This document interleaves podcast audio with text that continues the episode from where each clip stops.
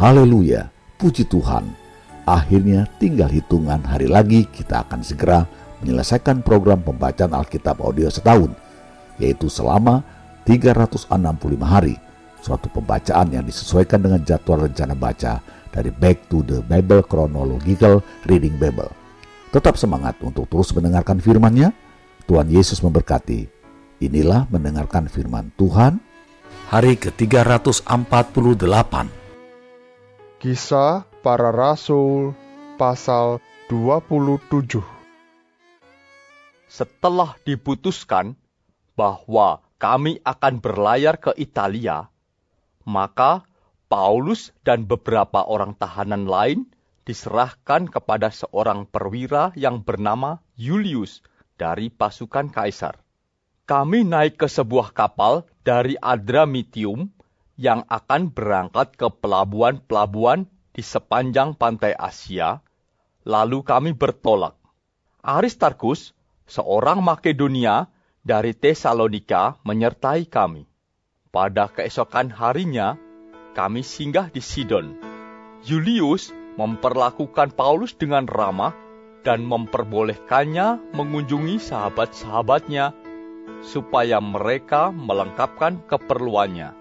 Oleh karena angin sakal, kami berlayar dari situ menyusur pantai Siprus. Dan setelah mengarungi laut di depan Kilikia dan Pamfilia, sampailah kami di Mira, di daerah Likia. Di situ perwira kami menemukan sebuah kapal dari Alexandria yang hendak berlayar ke Italia. Ia memindahkan kami ke kapal itu. Selama beberapa hari berlayar, kami hampir-hampir tidak maju, dan dengan susah payah kami mendekati Knidus. Karena angin tetap tidak baik, kami menyusur pantai Kreta melewati Tanjung Salmoni Sesudah kami dengan susah payah melewati tanjung itu, sampailah kami di sebuah tempat bernama Pelabuhan Indah dekat kota Lasea. Sementara itu, sudah banyak waktu yang hilang. Waktu puasa sudah lampau dan sudah berbahaya untuk melanjutkan pelayaran. Sebab itu, Paulus memperingatkan mereka, katanya, Saudara-saudara, aku lihat bahwa pelayaran kita akan mendatangkan kesukaran-kesukaran dan kerugian besar, bukan saja bagi muatan dan kapal, tetapi juga bagi nyawa kita. Tetapi perwira itu lebih percaya kepada jurumudi dan nahkoda daripada kepada perkataan Paulus. Karena pelabuhan itu tidak baik untuk tinggal di situ selama musim dingin, maka kebanyakan dari mereka lebih setuju untuk berlayar terus dan mencoba mencapai kota Phoenix untuk tinggal di situ selama musim dingin. Kota Phoenix adalah sebuah pelabuhan pulau kereta yang terbuka ke arah barat daya dan ke arah barat laut. Pada waktu itu, angin sepoi-sepoi bertiup dari selatan. Mereka menyangka bahwa maksud mereka sudah tentu akan tercapai. Mereka membongkar sau, lalu berlayar dekat sekali menyusur pantai kereta. Tetapi tidak berapa lama kemudian turunlah dari arah pulau itu angin badai yang disebut angin timur laut. Kapal itu dilandanya dan tidak tahan menghadapi angin haluan. Karena itu kami menyerah saja dan membiarkan kapal kami terombang-ambing. Kemudian kami hanyut sampai ke pantai sebuah pulau kecil bernama Kauda. Dan di situ, dengan susah payah, kami dapat menguasai sekoci kapal itu. Dan setelah sekoci itu dinaikkan ke atas kapal, mereka memasang alat-alat penolong dengan meliliti kapal itu dengan tali. Dan karena takut terdampar di peting sirtis, mereka menurunkan layar dan membiarkan kapal itu terapung-apung saja. Karena kami sangat hebat diombang-ambingkan angin badai, maka pada keesokan harinya mereka mulai membuang muatan kapal ke laut.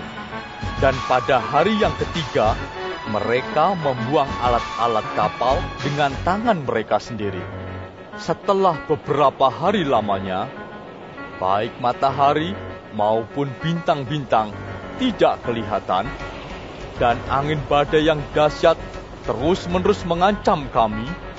Akhirnya, putuslah segala harapan kami untuk dapat menyelamatkan diri kami. Dan karena mereka beberapa lamanya tidak makan, berdirilah Paulus di tengah-tengah mereka dan berkata, Saudara-saudara, jika sekiranya nasihatku dituruti, supaya kita jangan berlayar dari kereta, kita pasti terpelihara dari kesukaran dan kerugian ini. Tetapi sekarang, juga dalam kesukaran ini, aku menasihatkan kamu, supaya kamu tetap bertapah hati, sebab tidak seorang pun di antara kamu yang akan binasa, kecuali kapal ini. Karena tadi malam seorang malaikat dari Allah yaitu dari Allah yang aku sembah sebagai miliknya, berdiri di sisiku. Dan ia berkata, Jangan takut Paulus, engkau harus menghadap Kaisar, dan sesungguhnya oleh karunia Allah, maka semua orang yang ada bersama-sama dengan engkau di kapal ini akan selamat karena engkau. Sebab itu, tabahkanlah hatimu, saudara-saudara, karena aku percaya kepada Allah bahwa semuanya pasti terjadi sama seperti yang dinyatakan kepadaku. Namun, kita harus mendamparkan kapal ini di salah satu pulau. Malam yang ke-14 sudah tiba, dan kami masih tetap terombang-ambing di Laut Adria. Tetapi, kira-kira tengah malam, anak-anak kapal merasa bahwa mereka telah dekat daratan. Lalu mereka mengulurkan batu duga, dan ternyata air di situ 20 depa dalamnya. Setelah maju sedikit, mereka menduga lagi, dan ternyata 15 depa. Dan karena takut bahwa kami akan terkandas di salah satu batu karang, mereka membuang empat sauh di buritan, dan kami sangat berharap mudah-mudahan hari lekas siang. Akan tetapi, anak-anak kapal berusaha untuk melarikan diri dari kapal. Mereka menurunkan skoci dan berbuat seolah-olah mereka hendak melabuhkan beberapa sauh di haluan. Karena itu, Paulus berkata kepada perwira dan prajurit-prajuritnya, jika mereka tidak tinggal di kapal, kamu tidak mungkin selamat. Lalu prajurit-prajurit itu memotong tali skoci dan membiarkannya hanyut. Ketika hari menjelang siang, Paulus mengajak semua orang untuk makan. Katanya, Sudah 14 hari lamanya kamu menanti-nanti saja, menahan lapar dan tidak makan apa-apa karena itu, aku menasihati kamu supaya kamu makan dahulu. Hal itu perlu untuk keselamatanmu. Tidak seorang pun di antara kamu akan kehilangan sehelai pun dari rambut kepalanya. Sesudah berkata demikian, ia mengambil roti, mengucap syukur kepada Allah di hadapan semua mereka, memecah-mecahkannya, lalu mulai makan. Maka kuatlah hati semua orang itu, dan mereka pun makan juga. Jumlah kami semua yang di kapal itu 276 jiwa.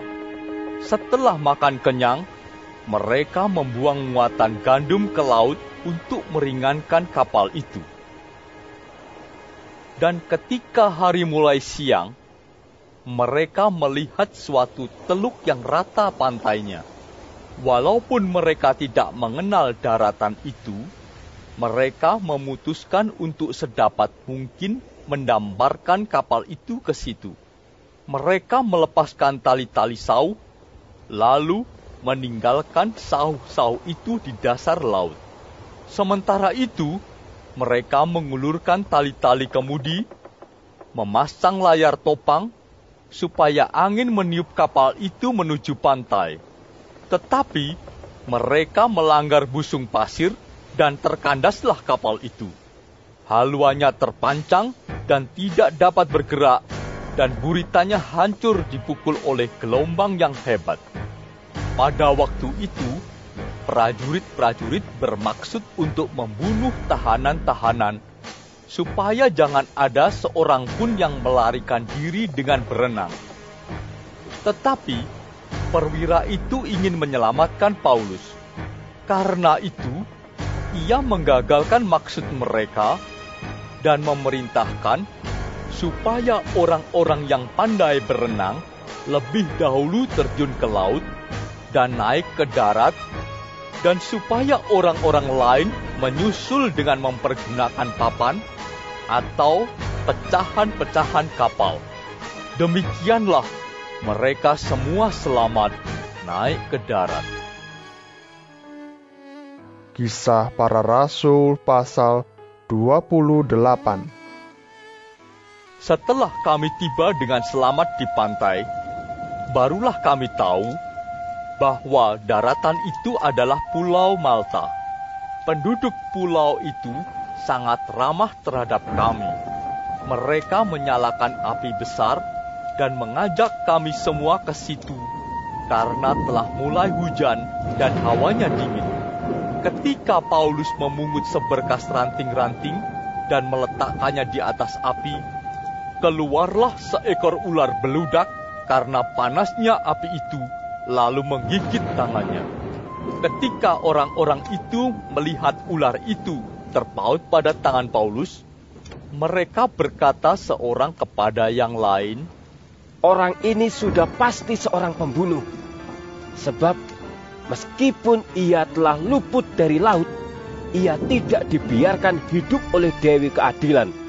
Tetapi Paulus mengibaskan ular itu ke dalam api, dan ia sama sekali tidak menderita sesuatu. Namun mereka menyangka bahwa ia akan bengkak atau akan mati rebah seketika itu juga. Tetapi sesudah lama menanti-nanti, mereka melihat bahwa tidak ada apa-apa yang terjadi padanya. Maka sebaliknya mereka berpendapat bahwa ia seorang dewa. Tidak jauh dari tempat itu ada tanah milik gubernur pulau itu. Gubernur itu namanya Publius. Ia menyambut kami dan menjamu kami dengan ramahnya selama tiga hari. Ketika itu, ayah Publius terbaring karena sakit demam dan disentri. Paulus masuk ke kamarnya, ia berdoa serta menumpangkan tangan ke atasnya dan menyembuhkan dia. Sesudah peristiwa itu, Datanglah juga orang-orang sakit lain dari pulau itu, dan mereka pun disembuhkan juga. Mereka sangat menghormati kami, dan ketika kami bertolak, mereka menyediakan segala sesuatu yang kami perlukan. Tiga bulan kemudian, kami berangkat dari situ naik sebuah kapal dari Alexandria yang selama musim dingin berlabuh di pulau itu. Kapal itu memakai lambang Dioskuri. Kami singgah di Sirakusa dan tinggal di situ tiga hari lamanya. Dari situ kami menyusur pantai, lalu sampai ke Regium. Sehari kemudian, bertiuplah angin selatan, dan pada hari kedua, sampailah kami di Puteoli. Di situ, kami berjumpa dengan anggota-anggota jemaat, dan atas undangan mereka, kami tinggal tujuh hari bersama-sama mereka. Sesudah itu, kami berangkat ke Roma. Saudara-saudara yang di sana telah mendengar tentang hal ihwal kami, dan mereka datang menjumpai kami sampai ke Forum Appius dan Tres Taberne. Ketika Paulus melihat mereka, ia mengucap syukur kepada Allah, lalu kuatlah hatinya. Setelah kami tiba di Roma, Paulus diperbolehkan tinggal dalam rumah sendiri bersama-sama seorang prajurit yang mengawalnya. Tiga hari kemudian, Paulus memanggil orang-orang terkemuka bangsa Yahudi, dan setelah mereka berkumpul, Paulus berkata, Saudara-saudara, meskipun aku tidak berbuat kesalahan terhadap bangsa kita atau terhadap adat istiadat nenek moyang kita, namun aku ditangkap di Yerusalem dan diserahkan kepada orang-orang Roma. Setelah aku diperiksa, mereka bermaksud melepaskan aku karena tidak terdapat suatu kesalahan pun padaku yang setimpal dengan hukuman mati. Akan tetapi orang-orang Yahudi menentangnya dan karena itu terpaksalah aku naik banding kepada kaisar. Tetapi bukan dengan maksud untuk mengadukan bangsaku. Itulah sebabnya aku meminta supaya aku melihat kamu dan berbicara dengan kamu. Sebab justru karena pengharapan Israel lah aku diikat dengan belenggu ini.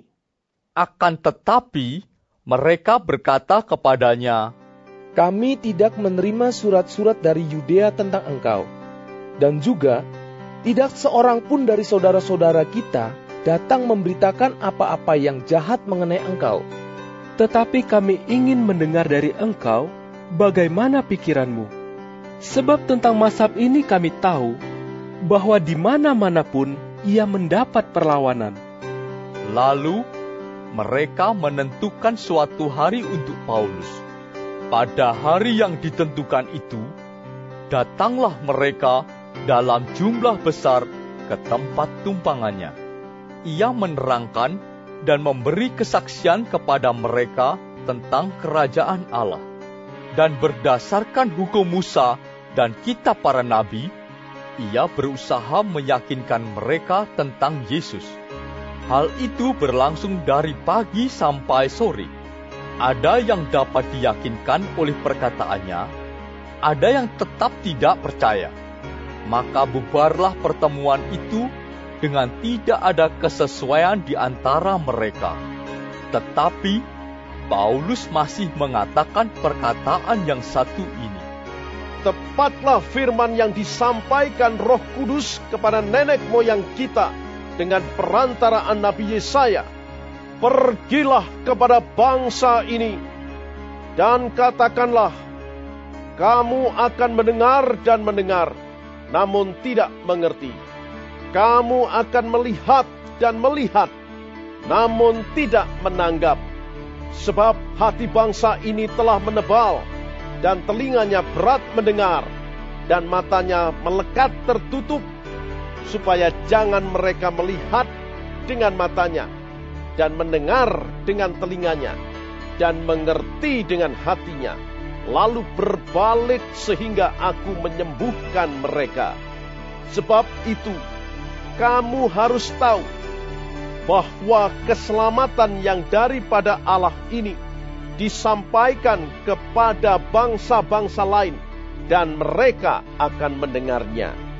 Dan setelah Paulus berkata demikian, pergilah orang-orang Yahudi itu dengan banyak perbedaan paham antara mereka. Dan Paulus tinggal dua tahun penuh di rumah yang disewanya sendiri itu ia menerima semua orang yang datang kepadanya dengan terus terang dan tanpa rintangan apa-apa. Ia memberitakan kerajaan Allah dan mengajar tentang Tuhan Yesus Kristus. Tetap semangat untuk terus mendengarkan firman-Nya. Tinggal beberapa waktu lagi kita akan segera menyelesaikannya. Sampai jumpa esok hari. Tuhan Yesus memberkati.